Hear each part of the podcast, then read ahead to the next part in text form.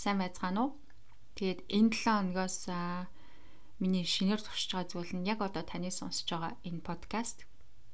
Тэгээд мэдээлэлээ орчуулад унших хэлбэрээр оруулахаас гадна яг ингээд сонсох хэлбэрээр оруулах нь а илүү хүртээмжтэй дээрэс нь мэдээллийг мань авч байгаа хүмүүст илүү хялбар байх юм болов гэсэн зорилгоор үнийг туршиж үзэж чинь тэгээд а надад бас аюу сонирхолтойгоо өөрт маань яг бол би өмнө нь хизээч ингэж подкаст хийж үзэж байгаагүй учраас м хоёр дахь зүйл нь би шинэ пэйж хуудсан нэсэн байгаа. Тэгээд яг ижил зоригтой пэйж хэлбэрээр мэдээлэлээ түгээхэд бас бусдаа хуваалцахад илүү хялбар байдаг учраас би пэйж хуудас шинээр нээсэн байгаа. Тэгээд группт байсан гişүүдээ шинээр нэмсэн байгаа.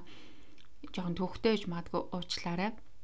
Тэгээ одооноос групптээ хий нэмж байсан мэдээллүүдээ эхнээс нь ахуулаад ингээд нэмээд тэгээд сонсох хэлбэртэй хамт оруулна гэсэн үг. За өөрчн а гурав дахь зүйл нь магадгүй зарим гişүүд нь намайг сайн мэдэхгүй гэж магадгүй өөрийгөө довчхон танилцуулахад намайг Баска гэдэг. Би яг одоо Францад боловсролын шинжлэх ухааны магистрийн 1-р курсын оюутан би бакалавра эдийн засгаар төгсөөд тэгээд яг ингээд шин өөр салбар тэгээд өөрийнхөө сонирхдаг байсан салбарыг шинээр яг одоо 9 сараас эхлээд суралцж байгаа. Тэгээд маш надад өөрт мань маш сонирхолтой санагдаж байгаа. Тэгээд маш олон зүйлүүдийг мэддэггүй, дээрэс нь маш олон шин зүйлүүд байд юм байна. Хуваалцахаар мэдэж авсан зүйлүүд байдаг. Тэгээд байт юм байна. Тэгээд тэрийгэ гэрийнхэнтэйгаа хуваалцаад ингэж байгаа зүйлдээ ер нь мэдэж авч байгаа зүйлүүдээ бусдаа хуваалцах юм бол ийм хэлбэрээр илүү сонирхолтой бас зарим хүмүүст хэрэгтэй байж магадгүй гэсэн үднээс үнийг хийж байгаа шүү. За тэгэхээр одоо хамгийн ихний мэдээллийг харцгаая. Ер нь бол би орчуулсан бичсэн мэдээллээ ер нь уншаа явчих.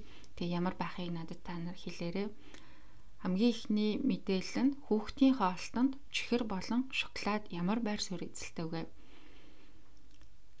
Чихэр болон шоколадны тижээлэг чанар нь маш бага боловч хүүхэд бүр маш дуртай төдийгүй хүүхдийн хоолтын нэгэн хэсэгт салшгүй байдаг зүйл бол чихэр шоколад юм.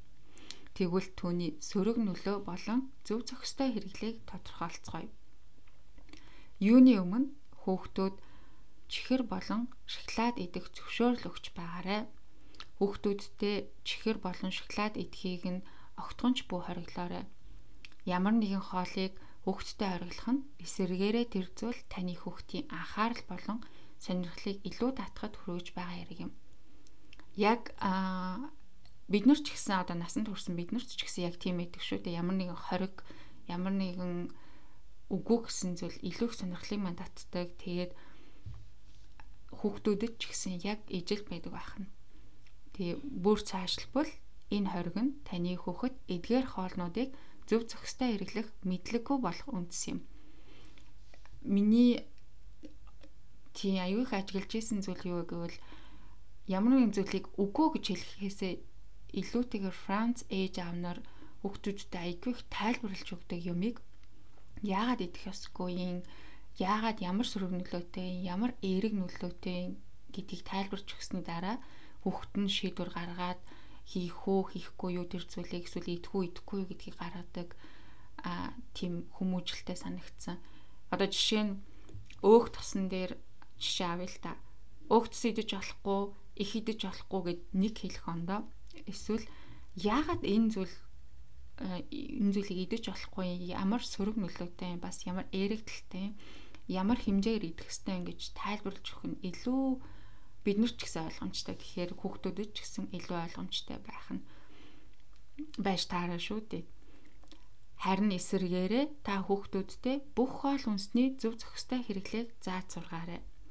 Тэгэхээр мэдээж эрүүл болон зөв зохистой хүүхэд өсөж торноход эрүүл тэжээлэх хоолнуудын хэрэглээний түвшин илүү их болон чухал чухал байр суурь эзэлж харин тижээлэг чанар нь бага хоол хүнсний бүтээгдэхүүний хэрэглээг зохицуулж өгөх хэрэгтэй юм аа. Тэгвэл ямар ямар сөрөг нөлөө байдгийг харцгаая. хамгийн эхлээд бидний мэддгээр шүд хорхоо байдаг. Хоёр дахь нь хитрхи их тааргал хитрхи хэрэглээ нь хүүхдийн хит таргалтын шалтгаан болох.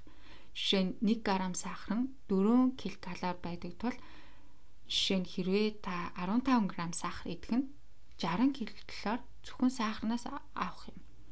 Тэгээ эргээд үн хөөхөд маш амархан өлсөх өлсөөд тэгээ дахиж юм идэх идэх хүсэл төрөх амархан төрөх төрснөөс болоод хит тархалтын шалтгаан болж байгаа гэсэн.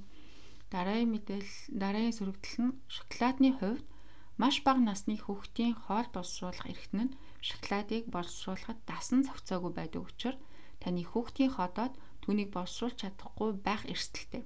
Энэ мэдээлэл надад айгүй шин байсан. Та нарт ч гэсэн тийм байгаах.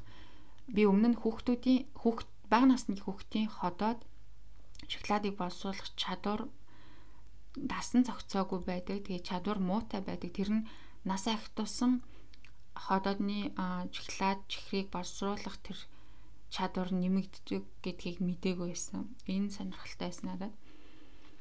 За тэгвэл хідэн настайгаасаа ямар давтамжтайгаар хэр хэмжээгээр өгөх нь хүүхдэд зохимжтой вэ? Ямар хэмжээ давтамжтайгаар идэх тал дээр хүүхэдтэйгээ маш тодорхой байгаарай. Нас насны хувьд яг тодорхой ямар нэгэн насыг зааж өгөөгүй байдаг боловч мэрэгчлэтнүүд чихэр болон шоколадыг 18 сар болон 24 сартаагаас нь хүүхдэд өгч эхлэхийг зөвлөдөг. Мэрэгчлэтнүүд гэдэг нь Францын одоо эмчнэр мэрэгчлэтнүүд гэсэн үг. Жишээ нь 18 сартаагаас эхлээд бид ойролцоогоор 1 юм уу 2 нүд шоколад эсвэл 1 ширхэг чихрийг 7 хоногт нэг удаа өгөх нь зохистой хэрэглээ юм. Энэ бас надад сонирхолтой байсан. Яг тэгвэл ер нь бол монголчууд ер нь бол хүүхд бид нар хүүхдүүдтэй маш жоохон байгаас нь жоохон жоохон шоколадыг өгдөг. Тэгээд юу нэг юм уу хоёр нүд шоколад 7 хоногтой өгөх а ер нь бол өдрөө болгон өгчдөг байхаа.